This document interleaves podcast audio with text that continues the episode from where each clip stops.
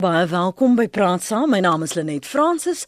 Jody Hendriks is die regisseur van Praat Saam en dankie dat jy by ons aangesluit het hier op 100.104 FM wêreldwyd by rsg.co.za. Aartsbiskop Emeritus Desmond Tutu sê mense wat terminaal siek is, moet die keuse kan hê om genade dood toe te pas. Hy het gereageer op die inhegtenisneming van die stigter van Dignity SA, professor Sean Davison, vroeër die week wat daarvan verdink word dat hy in 2013 'n quadripleeg gehelp het om sy eie lewe te neem. Davison is in 2011 in Nieu-Seeland tot 5 maande huisarrest gefonnis omdat hy sy siek ma gehelp het om self dood toe te pas. Glo jy die geloofsgemeenskap moet 'n standpunt en 'n benadering hieroor hê oor genade dood of moet dit jou keuse wees oor jou lewe? Ons praat ver oggend met professor uh, Farid Essak, hy is by die departement geloofstudies by die Universiteit van Johannesburg. Goeiemôre professor Essak. Goeiemôre, net lekker om saam te gesels. Dankie vir jou tyd. Ons praat ook met Dr. Chris Jones. Hy is hoof by die eenheid vir morele leierskap by die fakulteit van teologie by die Universiteit van Stellenbosch. En baie dankie vir jou beskikbaarheid Dr. Jones. Uh, dankie Lenet en hallo Farid. Uh, Môre moet die geloofsgemeenskap professor enigstens by die debat betrokke raak. Wel, ek weet nie uh, Lenet of dit so seer is 'n kwessie van moet hulle by die debat betrokke raak nie. As ons praat van hulle moet dan gewoonlik praat ons van 'n uh, gemeenskaplike of hulle eie gemeente of hulle eie skriftelike of tekstuele uh oortuigings of imperatives wat dit vir hulle noodsaaklik maak om iets daaroor te sê. Ehm um, maar kan mense wat buite daai gemeenskappe staan uh verwag dat hulle moet het, het hulle verpligting om daaroor iets te sê? As buitenstanders ek glo nie dat ons moet uh verwag of dat daar iets verkeerd as hulle nie daaroor uh, uh, menings uh, uitlig nie. Maar ek dink wel dat in terme van die basis uh, van hierdie geloofs en waarom hulle hulle keuse, hulle lewens, hulle morele, hulle etiek dryf, die skrif byvoorbeeld of die hele idee van God as die skepper van die lewe en God as die ontnemer van die lewe. Hierdie teologiese nosies uh, beteken wel dat hulle menings sal moet hê en op een of ander tyd moet daai menings duidelik gemaak word. As jy kyk na die verwikkelinge en die sensitiwiteit oor die gesprek en mense die hele tyd vir jou sê ek glo in God en ek glo God gee lewe en glo besluit wanneer ehm um, lewe tot 'n einde kom en ek is nie op het nie die gesag om daaroor te besin nie. Hoe tot dusver was hierdie benadering waar jy as 'n 'n lid van 'n moslimgemeenskap of 'n iemand van 'n Pinksterkerk die verhouding met die geloof was daar gesprek waar ek sê maar hier is die konflik binne my? Uh Het jy dit sien gebeur? Nee, nie op 'n groot skaal nie. Hmm. Al, alhoewel as die vraag in 'n meer subtiele manier gestel word, eh, nie in 'n dramatiese manier van dis amper soos die gay kwessie. Uh die gay kwessie word bespreek. Maar dit word net ernstig bespreek as daar drama is. Daar's nou 'n gay pride parade en of daar is nou uh hierdie uh 'n man en nog 'n man wat nou gaan trou en hier verskyn hulle prentjie nou in die koerante en dan is dit nou 'n groot ding. Want die ding staan ons nou in die gesig hulle afronteer ons in die openbaar. So op 'n sekere vlak was die kwessie van die mense se inmenging met die uur of die oomblik van dood al daar vir 'n lang tyd al. Die dokters vir jare het gesê dat kyk, die persoon is net lewendig in 'n sekere sin van die woord, maar die persoon se brein is dood.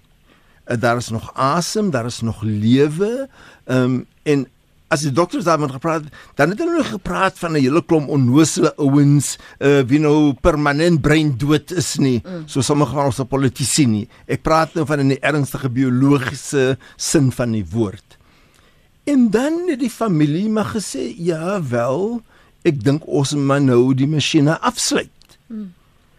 So daai en dit was nooit gebateer in die gemeenskap op 'n groot dit het nooit gelei na stry of 'n kontroversie in die gemeenskap nie.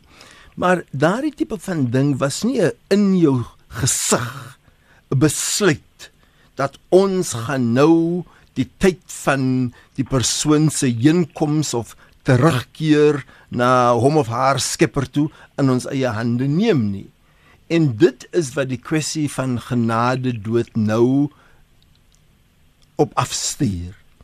En wat dit nou vir ons forceer om menings te gee en dit te debatteer. Hmm. Want uh, nie net het hierdie ou wat 'n paar dae gearresteer was, die professor terloops wat in die afgelope paar dae ge gearresteer. Nie net was hy verantwoordelik vir sy eie paas genade dood nie, maar ook vir 'n hele paar ander beide in Australië en in Suid-Afrika in. En so as 'n gevolg van die ehm um, die in hak in in in, in aanhalingstekens die uh, skaamteloosheid van sy dade. Dit is veel meer die skaamteloosheid die in jou gesig Ek verstaan. 'n aard van die ding wat die kwessie nou uh, in die openbaar vir ons stoot. Wat uh, waarom uh, is dit elke keer hierdie intense kon persoonlike konflik Dr Jones wat wat geopenbaar word jy hoor dit in mense se pleidooie jy hoor dit en jy lees dit in briewe waarom word oorskadu die môre ek gaan nou ook in die moraliteit kwessie hmm. hierso in aanhalingstekens plaas want dit is al daardie goed en die geloofs-oortuigings wat die persoonlike keuse oorskadu wat hmm. dit soveel moeiliker maak vir mense om net te sê maar dit is my lewe, dit is my wense. Waarom moet dit verskriftelik wees van ander? Hm. Ja. Uh, net laat ek net begin, um, jy het die vraag gevra oor ehm um, uh geloofsinstansies want ek dink dit lei uiteindelik dalk tot tot die konflik. Hmm. Maar ek ek dink dit is belangrik stem heeltemal saam met Farid. Ek dink uh, dit is belangrik dat uh uh geloofs uh groeperings of geloofsinstellings uh praat oor hierdie goed en veral ook oor belangrike etiese sake, jy weet, selfde geslagverhoudings, bystand dood.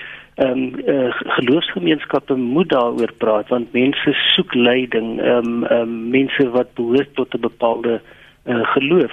En mense voel hulle wil ook hierdie oortuiging en hierdie standpunt aan die markplein toe vat. Hulle voel hulle wil dit nou buitentoe laat hoor. Dit is hoe hulle dink en dis hoe hulle redeneer. Maar ek ek dink die die in in die stok waar die konflik inkom wat belangrik is om te onthou dat as 'n mens met wetgewing werk, ehm um, dan moet jy met die grondwet werk want dit is die belangrikste instrument wat jy het.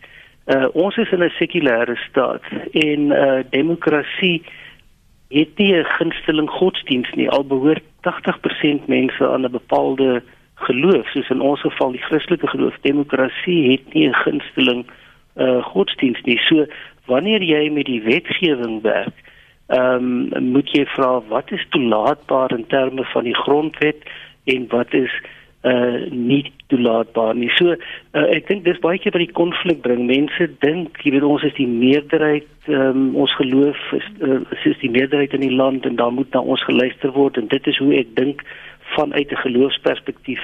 Maar dan word daar in wetgewing ander besluite geneem waarmee ek geen probleme het nie want ek dink as 'n mens in 'n sekulêre staat is, moet dit uh, kan religieuse moraliteit nie wetgewing bepaal nie maar ons moet werk met 'n konstitusionele ehm uh, moraliteit. So ek dink elke mens ehm um, uh, beskik oor die reg en 'n mens kan amper sê morele reg om self te besluit wanneer hy of sy eh uh, wil sterf. Jy weet reg deur jou lewe neem jy besluite oor jou gesondheid. Jy besluit wanneer wil ek dokter toe gaan of wanneer moet ek dokter toe gaan. Hmm. Maar dan aan die einde van jou lewe, wanneer jy dikwels in ondraaglike pyn en in in in lyding verkeer, jy dikwels jou menswaardigheid verloor, dan mag jy nie 'n besluit neem oor wanneer jy wil sterf nie.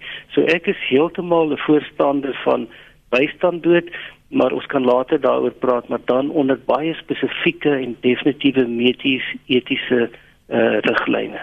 Ek ons gaan net nou praat oor daardie verskillende omstandighede en wat dan nou sou kwalifiseer uh, vir oorweging. Een van die luisteraars sê ek respekteer ander mense se mening, maar glo dat slegs God met mag oor lewe en dood mag besluit, uh, sê Tannie Hester. En Dave sê hierdie besluit kan geweldige gevolge hê indien dit toegelaat word. Moord gaan later onder die vaandel gepleeg word. Um die toestand van so 'n aard is dat selfdood aanvaarbaar is. Dit gaan verseker misbruik word, is Dave se mening. Um een van die persone is nou nie 'n naam by nie vir sê genade doodstem ek mee saam. Hoekom aanhou met pyn en lyding? Dit is onnodig. En 'n ander een het gesê uh oor hulle wil self besluit ja dit was vir my treffend dis mevrou MC ek wil self besluit asseblief met 'n paar uitroeptekens as iemand vir my 'n doek moet aansit wil ek liewer met grasie gaan. Ek dink dit raak aan daardie menswaardigheid wat jy sopas na verwys het Dr Jones. Ek wil net sê net dat die argument dat as 'n mens begin met iets um, dan moet dit noodwendig in heeltemal in iets totaal anders ontaard dis soos ek sê nie al die moslems nie, maar dit is soos 'n moslem tipe van redenering kan werk. Die moslems kan teen die drank van wyn. Uh, so aan die een kant is daar die sosiale drank van wyn, 'n ligte en ek drink nie. 'n uh, 'n ligte glasie um, uh, met uh, aandete of weer spesifieke okasie. So dit is een ding. Maar om dan te kom sê al die mense wat drink is alkoholiks. Hulle is 'n klomp dronklappe. Uh, wag, wag. Die een is bereken, dit pas by die okasie, dit gaan met uh, met vleis of met uh, vis gepaard dit is totaal 'n wanindrukking om te praat van daai mense as 'n uh, slawe van alkoholisme. Hmm. So die hele ding dat om te praat van dat genade dood die een oomblik hier kan begin en dan moet dit nou noodwendig daar op 'n totale ander plek eindig. Ek dink dis 'n tipe van valse logika. Kom ons hoor gou aan, ekskuus Dr Jones, jy Daal vir my asem, jy wil iets ja, sê. Ja, jy kan my eers Okay, kan ek dit gou vir anoniem? Ja. Dankie. Dankie daarvoor. Anoniem in KwaZulu-Natal môre. Goeiemôre. Ek uh my my standpunt is basies dat ek wonder waar trek 'n mens die lyn? Wanneer is dit genade dood? Uh wanneer 'n ou in die hospitaal lê en hy's na, na baie naby aan sy afsterwe of 'n persoon wat besluit om sy eie lewe te neem en hy wil van die van Stadionsbrug afspring uh, dit is ook mos hy wil sy eie lewe neem in sy eie hande en sy eie mm. en so so dit is 'n hele debat wat met plaasvind hier so 'n baie baie groot debat wat net verder uitstrek is net basies die die persoon wat ehm um, op sterwe lê in die hospitaal want wat wat is die lewe verskillend van 'n lewe wat 'n persoon wat wil selfmoord pleeg en 'n lewe van 'n van 'n ou wat wil ehm um, so dit is dit is maar die debat wat ek net op die tafel wil sit ek sal luister by die mm, radio. Mm, mm. Want dit is waarop dit neerkom. Wat is dan die verskil? Jy jou lewe word net op 'n ander manier geneem, uh, Chris? Ja, kan ek net ehm um, uh, sê hulle net uh, in, in terme van die vorige opmerking oor dat 'n mens bang is waar gaan dit eindig? Jy weet as jy die deur oopmaak, ehm um, uh, daar word gewoonlik verwys ook na die slippery slope argument, jy weet as jy eers die deur oopmaak waar eindig alles. En die baie interessante is as jy mens net gaan kyk na na die uh, eh, FSA, die staat Oregon, uh, ek ek dink wat hier in 1997 hulle wetgewing rondom ehm um, uh, genade dood verander het, dat ehm um, daar was ook vrese geweest dat dit sou lei tot misbruik. Hmm. Maar daar is baie duidelike riglyne neergelê soos in Nederland en in ander lande jy weet 6 7 punte baie uh, eenvoudige helder duidelike riglyne waarbinne ehm um, genade dood dan uh, toegepas kan word en die interessante is in die laaste 20 21 jaar is daar nie een geval in Oregon aangemeld van misbruik nie. Uh die ander interessante ding daarvan ook is dat 'n klomp mense het geweet hulle kan genade dood kry maar hulle het op natuurlike wyse gesterf en hulle het dit nie nodig gehad nie maar hulle het die versekering gehad dat sou hulle dit nodig kry. As 'n opsie. Uh, uh, jy weet hulle dit kan kry. So ek dink ehm um, dis 'n interessante vraag van die luisteraar, maar ek dink ehm um, hulle net as 'n mens ehm um, uh, begin met hierdie gesprek soos uh, ek bedoel ons het al geruime tyd daarmee besig maar as 'n mens 'n eerste tree in moontlike verandering van die wetgewing wil gee en ek dink die wetgewing hieroor gaan verander een of ander tyd uh, dan uh, moet 'n mens baie duidelike riglyne neerlê. Jy weet, so ek dink vir 'n eerste ronde as 'n mens uh, die wetgewing sou verander, moet jy baie helder en duidelik omskryf, jy weet dat hierdie ehm um, ehm um, toepassing van genade dood geld vir terminaal siek uh, pasiënte ehm um, uh, wat toe hy of sy kompetent was of bevoeg was hierdie ehm um, um, uh, uitspraak gemaak het of hierdie hierdie begeerte uitgespreek het om genade dood te kry. Ehm uh, daar is nie ander ehm um, behandeling moontlik wat hierdie persoon se gesondheid kan verbeter nie. Jy weet daar's daar's baie duidelike riglyne wat 'n mens sal moet neerlê sodat dit nie ehm um, misbruik kan kan word op die oomblik nie. As iemand ehm um, ehm um, uh, jy weet sy of haar lewe wil neem, as hulle iewers uh, van 'n brug af wil spring, wel dit is ook 'n persoonlike keuse wat wat mense uitoefen. Maar ek dink nie 'n mens moet dit noodwendig in hierdie gesprek inbring. Hierdie gaan vir my spesifiek om terminaal siek pasiënte wat 'n ondraaglike pyn is, 'n uh, onomkeerbare uh, situasie um, wat dis 'n menswaardigheid aangetast word en dat 'n mens aan hulle dan spesifiek ehm um, bystand dood uh, kan verleen. Lenet, ek weet nie of ek heeltemal saamstem met my kollega nie. Ek dink dat die uh die onderskeiding, die totale onderskeiding van liggaamlike lyding en persoonlike psigologiese lyding, ek dink dat dit 'n vals onderskeiding. 'n Persoon kan so jou lewe in die gesig staar, so jou ellende in jou persoonlike pyn ondervind dat jy kan werklik nie glo dat daar is enige lig aan die einde van die tonnel nie. Indien daar 'n flikker is, dan is dit 'n aankomende trein. Ehm um, in so 'n geval kan 'n persoon ook redeneer dat my pyn, my eensaamheid, my ellende, my droef is eenvoudig te veel vir my en ek kan nie deur die lewe gaan uh vir 'n dag langer nie. Ek weet nie in hoe mate dit verskil van pyn wat op 'n op 'n rekenaar gemerk se barometer gemerk kan word nie. So ek dink tog dat ons sit met dieselfde penarie wat hy vorige uh in skakelaar uh gelig het wat se onderskeiding maak ons dan? Ehm um, so ek is heeltemal seker dat die tussen die die kwessie van selfmoord as ek mens gaan na die terrein van ek het die reg om my eie lewe en my eie einde te bepaal. Ek dink dan moet die twee noodwendig ooreenloop. Maar die groter kwessie is die autonomie van die van die individu. En hierdie kwessie is nie net 'n godsdienstige kwessie nie, want in die godsdiens in uh, leef 'n mens deur gemeenskap, maar gemeenskap wat vertrou is aan 'n Skepper, vertrou is en wat verantwoordelik is aan 'n Skepper. Net in God ook in tradisionele gemeenskappe. So die hele verheffing van die individu as 'n uh, uh, as 'n uh, self-contained uh, entiteit wat aan niemand verantwoordelik is nie. Dis 'n uh, dis 'n moderne idee. Dis 'n westerse idee.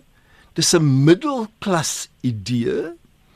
En dis 'n idee wat teenstrydig is met die oor groter meerderheid van ons eie gemeenskappe en ek praat nou van gemeenskappe want hierdie idee van die verheffing van die individu bo alle anders praat nie van gemeenskap nie. Praat nie van wat ek vir my familie skuld nie wat ek vir die kinders wat na my kom en wat voor my vir my voorgangers die uh die ancestors wat ek vir hulle skuld nie. So die hele idee van ek het die laaste sê oor my lewe en my dood dit is gekoppel aan ander ideologiese idees En daai ideologiese idees moet ook onder die mikroskoop geplaas word. So as ons praat van die onderskeid tref en ek weet jy het gesê Chris aan die begin dat die wetgewing gaan verander en dat daar oorwegings moet wees en vlakke van waar jy dalk sê dis 'n vlak 1 hierdie is die vereistes waaraan dit moet voldoen. Ja. Dit dit lê nog steeds in die hande van 'n uh, 'n uh, 'n dokter byvoorbeeld of iemand ja. anders om te besluit of jy nou aan hierdie die die, die sewe boksies nou tik. Ja. Ja, ja. Ehm um, jy is heeltemal reg en Lenet ek uh, ek wil net sê in terme van eh uh, uh, Farid ehm um, sy redenasie ek verstaan dit heeltemal. Uh, ek ek sal nou terugkom by die boksies. Uh, ek dink net as jy kyk waar ons nou is met wetgewing, as 'n mens enigsins sou wou vorder, dink ek sal 'n mens dit aanvanklik ehm um, baie moet beperk. Jy sal ehm um, baie duidelike riglyne moet neerlê dat dit geld spesifiek ek ek praat nou van bystand ja, dit geld ja, spesifiek ehm ja. um, onder onder hierdie spesifieke omstandighede vir terminaal siek mense. Ek veroordeel niemand wat ehm um, uh, wie se toekoms uitsigloos is en wat uiteindelik besluit om selfdood te pleeg nie. Daar is geen veroordeling met my van so iemand nie en ek het dikwels um, baie begrip uh, daarvoor. Ek dink dit uh, om te vorder in die gesprek en om die wetgewing um, verander te kry, sal ons vir ons sal dit stap vir stap moet doen. Jy weet ons sal dit versigtig moet doen en ons sal dit baie duidelik uh, moet omskryf dat dit onder hierdie spesifieke omstandighede vir hierdie spesifieke groep mense geld. As ek net dink byvoorbeeld aan uh, om by die boksies te kom aan aan aan aan Nederland, um, uh, ek ook nou diep delf, maar uh, daar gaan dit oor um, ook oor 'n kompetente persoon wat ehm um, vrywillig vra uh, daarvoor wat ingelig is, wat wat al die opsies oorweeg het. Mhm. Ehm mm um, dit gaan uh, oor 'n pasiënt wat jy weet in 'n ondraaglike pyn is en ehm um, ehm um, uh, vir wie daar geen uitsig is nie. Dit is onomkeerbaar hierdie persoon is terminaal siek en hy en hy of sy gaan gaan sterf. Ehm um, daar is geen in in in dit kom van 'n dokter af, jy weet dat 'n dokter kan bevestig dat daar is geen 'n redelike alternatiewe behandeling wat so iemand se gesondheidstoestand kan verbeter nie. Een dokter moet konsulteer met 'n ander onafhanklike dokter om te sien of hierdie of hierdie persoon ook saamstem. Uiteindelik moet die hele ehm um, aksie van genade toe dit moet aan toepaslike owerhede ehm um, um, bekend gemaak word. So daar's 'n daar's 'n klomp, ek dink dis amper al die boksies, jy weet wat mm. getik moet word en as jy dit kan tik, ehm um, dan is dit binne die wetgewing en uh, en selfs dokters sou kon assisteer met selfdood daar onder hierdie omstandighede sonder uh, om om vervolg te word. Ek dink net vir 'n begin en uh, dit is soort van maar waar ek is, jy weet mm vir 'n begin as ons wetgewing verander wil kry, sal ons dit baie duidelik moet omskryf en nie sommer dadelik moet oopmaak om alle ander gevalle ook te probeer akkommodeer nie. Ek wil hê ons moet net nou gesels oor die verskillende soort genade dood en um, ons het nou al geraak aan van die oorwegings. Kom ons hoor gou eers wat sê anoniem in die Suid-Kaap môre. Goeiemôre Lenet, hoor jy my? Ek hoor u duidelik, dankie. Luister Lenet, ek het my moeder versorg en haar in 'n versorgingsoord ook gehad vir 13 jaar. Sy het Parkinsons gehad. Hoor jy om dit te beleef van die begin af tot haar einde. Ek sê vir jou, jy te lyk later op die bed sy ja. sy het beroerte gekry. Sy kon nie meer met my praat nie. Sy was deur trek van bedsere. Hulle kon haar nie meer in die bad gaan sit nie. Haar lyding was sodat as daar selfdood 2005 al te sprake was, mm. sou ek dit gedoen het, maar ek sou dit nie gedoen het vir myself nie, maar uit liefde vir my moeder om haar te verlos van haar lyding af want vandag Lenet ly ek daaronder, ek kry angsaanvalle, ek word behandel vir dit. Mm. Want na haar het my man dit ook gekry en ek sê vir jou, die ou wat nie iemand het wat hy liefhet, wat ly nie, hmm. kan nie sê selfdood moet nie gedoen word toegelaat word nie. Ek het 'n dokter oor haar gehad, alles, hulle was magteloos. Ek het op papiertjies geskryf en dit voor haar oë gehou mm. en gevra Here help laat dit nog by haar insink dat sy kan sien mamma ek is lief vir jou. Maar sy het niks sy kon nie eet nie sy kon nie praat nie. Sy doeke gedra. Sy het nie 'n lewe gehad nie net mm -hmm. sy daar gelê op daai wit bed soos 'n lijk. Daar was nie boutjies nie daar was nie vleis aan haar liggaampie nie. Dis 'n geraamte gewees soos die ou maar kindertjies in Nigerië. Ek glo die Here sou nie my dit toegereken het as 'n straf wat ek gedoen het teen sy wil as as uh, ek haar in 2005 gehelp het die, want ek sou dit doen dit net uit liefde om haar te verlos. Haar vel het oopgebars sy het gelyk soos 'n mammie hulle het haar toegedraai in wit lap.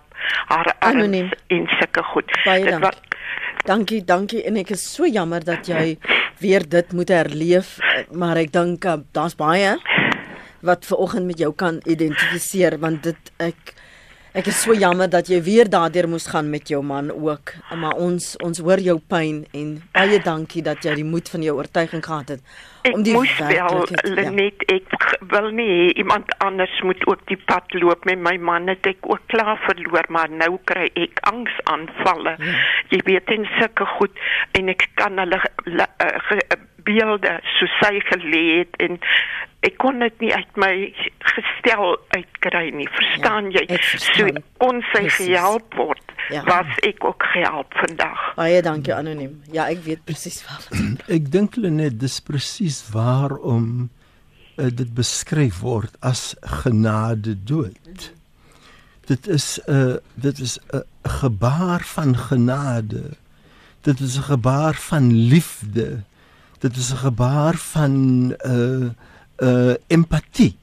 Ek voel, ek sien, ek voel in my murg en been die lyding van my metgesel of van my ouer. En dit kom uit 'n totale ander plek as wat moord en selfs uh selfmoord ja. uitkom. En dit is nie ten spyte al die argumente nie is dit totaal onaanvaarbaar om genade dood te behandel asof dit moord is. En die, die ander storie wat duidelik die ander uh, aspek wat duidelik in haar storie is is dat so dis nie net 'n kwessie van God is die skepper en God is die nemer van lewe nie. Maar daar was 'n totale ander kant in haar storie Wat se God aanbid jy wat jou gaan oordeel?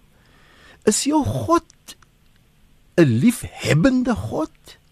Is jou God 'n onverdraagsame regter wat net wette erken en wat daar sit met 'n swaard en die enigste fout van watter ook uh, van watter oor dit ook al kom, liefde of haat, daar is hy reg om daai swart oor jou kop te laat val. So sy praat van ek glo nie dat God my sal verantwoordelik hou nie. Inteendeel, ons mag selfs vra wat verwag 'n genadige God van my van my as 'n instrument van daai God se liefde in die wêreld om te doen op daai oomblik Ehm um, so so daai teologiese uh daai teologiese argument wat ons het. Dit is God wat kan besluit. Niemand anders wat kan besluit nie. Menige ander kere dan sê ons dat byvoorbeeld as daar iemand is wat sterf van hongerte, dan is daar die gesprek moenie vra waar is God dan nie. God verskyn vir jou in die in die beeld van daai kind wat ly van hongersnood en vra waar is jy? So gewoonlik praat ons van hoe God deur mens sy aanwesigheid in die wêreld openbaar. Openbaar. Maar in hierdie geval, in die geval van genade dood, glo ons moet ons almal een kan sit en dan God moet sê moet nou sê magic doen En wat ook al hoe ook al sy uh, stokkies gaan val, moet dit maar nou net val. Mm -hmm. Dan abdikeer ons ons rol as die instrumente van God 'n liefdevolle God in die wêreld in. Chris, net ja. Um, uh, kan ek net sê wie die die die dame wat nou ingebel het ehm um, ehm um, ek, ek ek voel vir haar jy weet jy kan hoor dit kom uit haar diepste binneste en ja. baie sterk toe ook vir haar. Ja. Uh genade dood soos wat baie mense weet beteken eintlik goeie dood. 'n Mens wil hê jou mense moet op 'n goeie wyse kan sterf.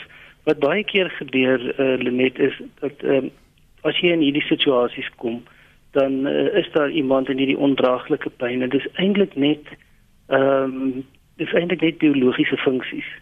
Ehm um, wat aan die gang is ja. Daar's geen persoonlike lewe meer nie. Die ehm um, persoon met wie jy om die tafel vir jare sit en eet, het, saam met wie jy tennis of golf gespeel het of gedraf het. Dis nie meer daai persoon nie. Dis net biologiese funksies. Daar is nie meer sprake van persoonlike lewe nie. Dis onomkeerbaar. Ehm um, so iemand se menswaardigheid word baie keer aangetast en hoekom sal 'n mens nie ehm um, so iemand se lydingsproses uh, verkort nie.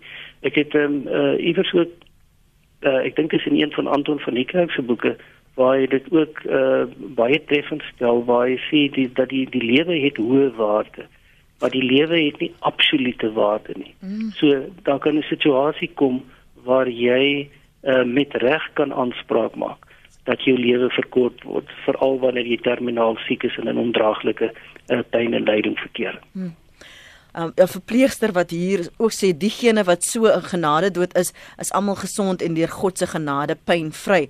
'n Versoek dat jou gaste Respek sal hê vir alle lewensbeskouinge. 'n Religie is slegs een lewensbeskouing. Die menslike ervaring is werklik wyeer as 'n godsdiensbeskouing.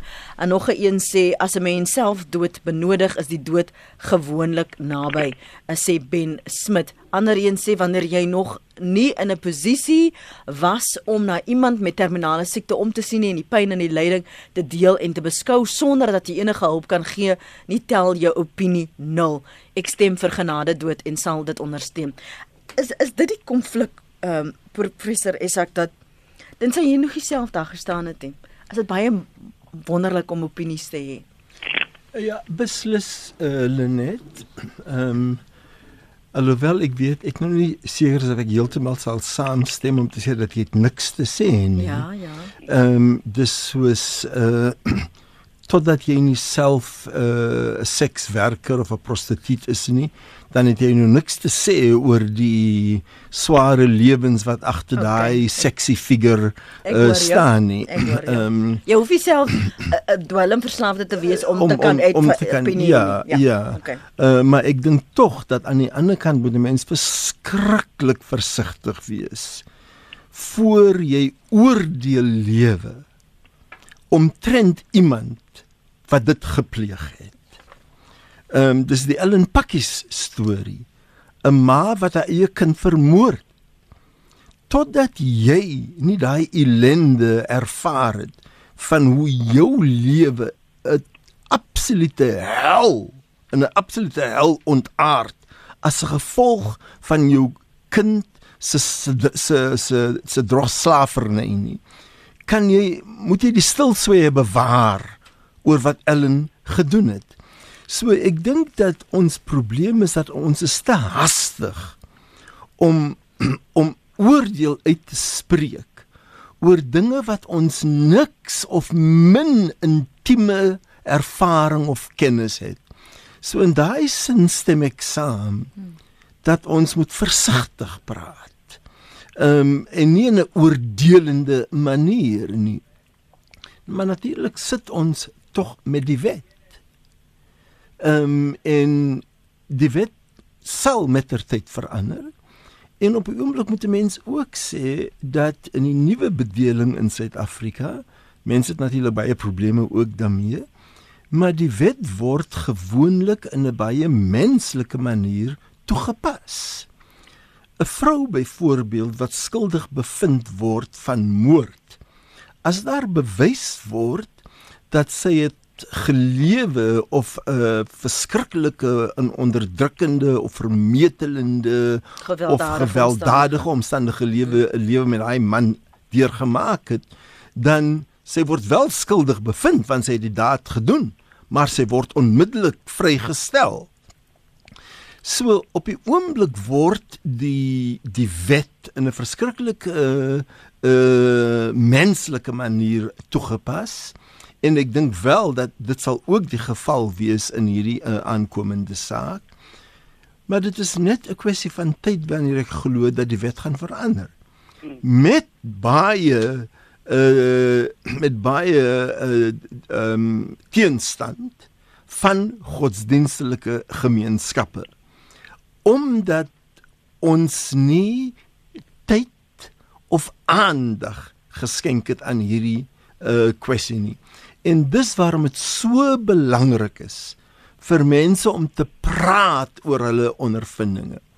Daar is een iets wat menige kere ons godsdienstelike skrifte tramp oorkom as ons luister na die stories van mense en dan jy man ek moet 'n nuwe manier vind om my skrifte te lees want die pyn en die ellende en die hartseer wat ek rondom my sien.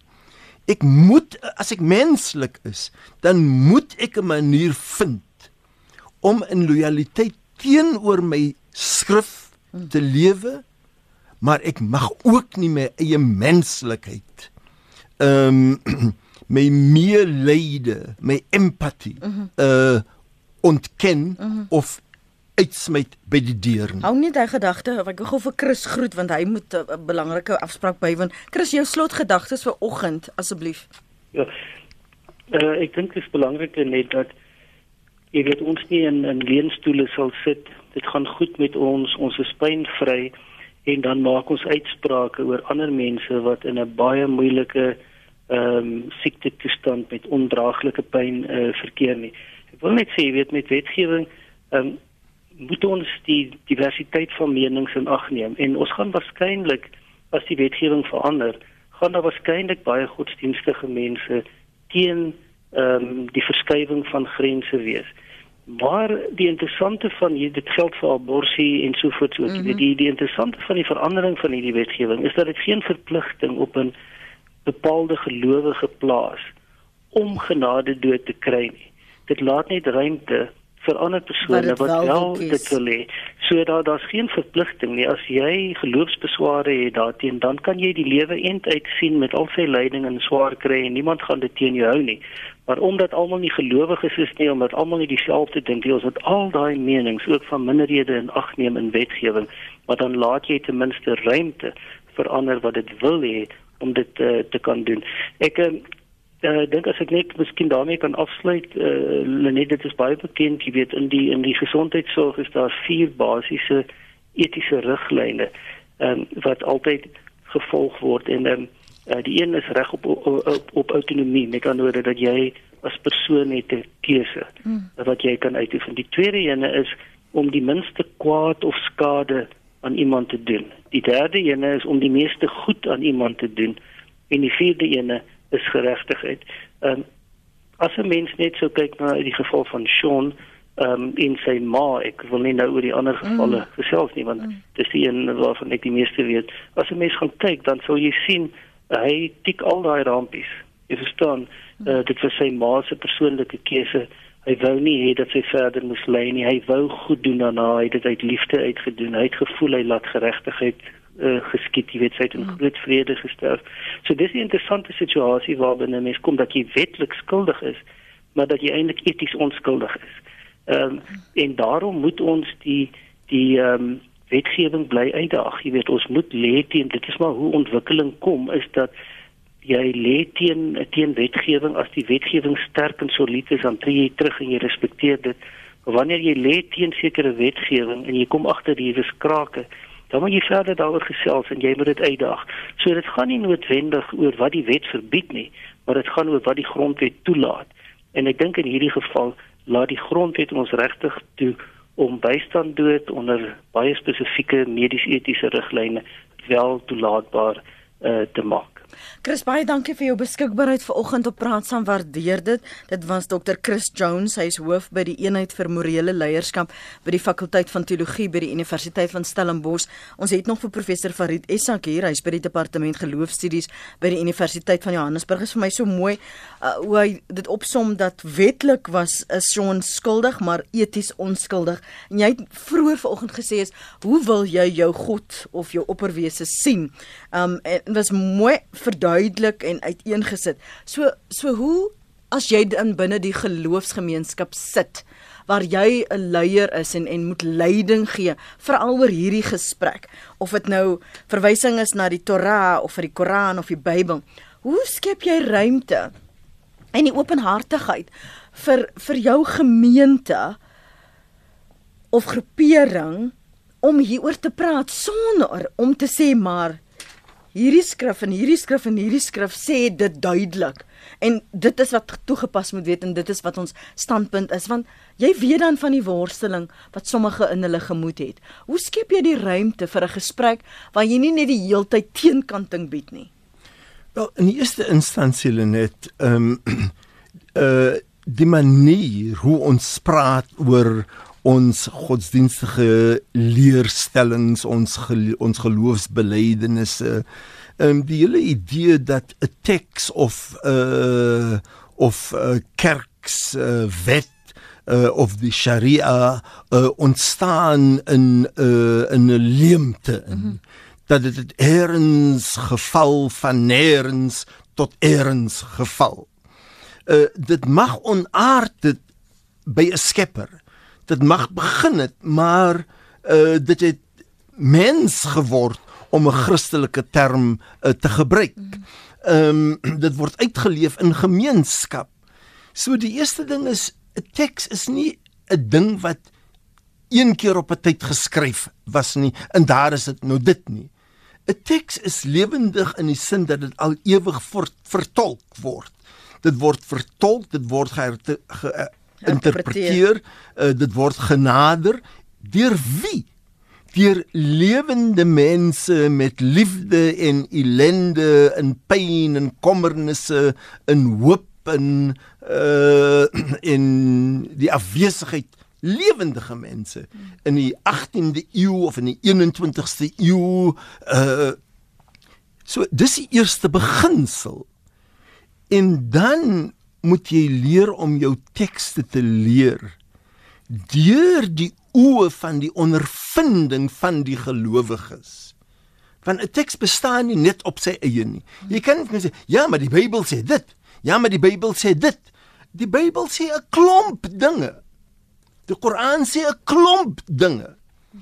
En die onomwondbare waarheid is dat 'n klomp van daai dinge sit ons gemaklik aan die een kant tersy en dan gaan ons vorentoe met ons godsdienstige lewe en met die ander dele van die teks. Maar wie bepaal wat agtergelaat word? Die kwessie byvoorbeeld van uh interest, ehm um, rente? Van rente op geld. Die Koran is duidelik daarteen gekant. Dit is een van die grootste sondes in die Koran praat met enige hedendaagse moslim. Hulle hè stadig sommige kere stil stil stil stil ander ander kere um, word daar 'n uh, instellings in die lewe geroep vir die herstudering van daai tekste. In miljoene rande word toegewy. Hawe dit 'n besigheidskool wat net hierdie vraag ondersoek van 'n moslimse oogpunt. Maar die geldkwessie is belangrik. So dan kan ons hy tekste hersien. Ons kan dit kyk van 'n ander oog. Waarom nie met ander kwessies? Waarom nie ja. met ander kwessies nie wat waarament wat jou menswees bepaal. Mm -hmm. Jou rente be, bepaal nie jou menswees dit bepaal jou standing en ander se oë en hoe hoe jy gesien word. Maar kwessie van vigs byvoorbeeld 'n um, kwessie van kinders wat nie 'n keuse gehad het, moet ek in die wêreld kom met 'n pa wat ek ken en 'n pa wat ek nie ken nie. Die sogenaamde onegte kinders, soos so my hierdie is die tipe van gesprekke wat ons het met ons gemeenskap. En dan kry ons dan die ruimte om te praat en om die ondervinding van lyding in te bring in hoe ons ons skrifte lees. Baie baie dankie vir jou beskikbaarheid dat jy ingekom het. Ek weet jy's 'n besige man, professor Farid Essak by die departement geloofstudies by die Universiteit van Johannesburg en dankie ook vir julle deelname. Ehm um, wat hier as ek kyk na die sosiale media, uh een in Kelservie sê wat is dan die verskil tussen die masjiene afskakel van 'n breindood persoon en 'n persoon erge pyn ondergaan en daagliks 'n mee leef wat ondraaglik is. So die gesprek moet verdiep. Ons kan nie net sê dis 'n ja of 'n nee nie. Daar's 'n verdieping, 'n persoonlike mens menslike ervaring wat eh, professor Essak en Dr Jones vanmôre uitgewys het en ek dink ook um, een van ons indellers daar in KwaZulu-Natal. Dit is nie so eenvoudig nie en dit is nie so maklik om te oordeel as jy nie staaf daar was nie, maar ons moet ruimte skep om dieper te praat met mekaar oor hierdie sake wat ons raak. Dankie vir die saampraat. Gaan gerus na ons webblad www.rsg.co.za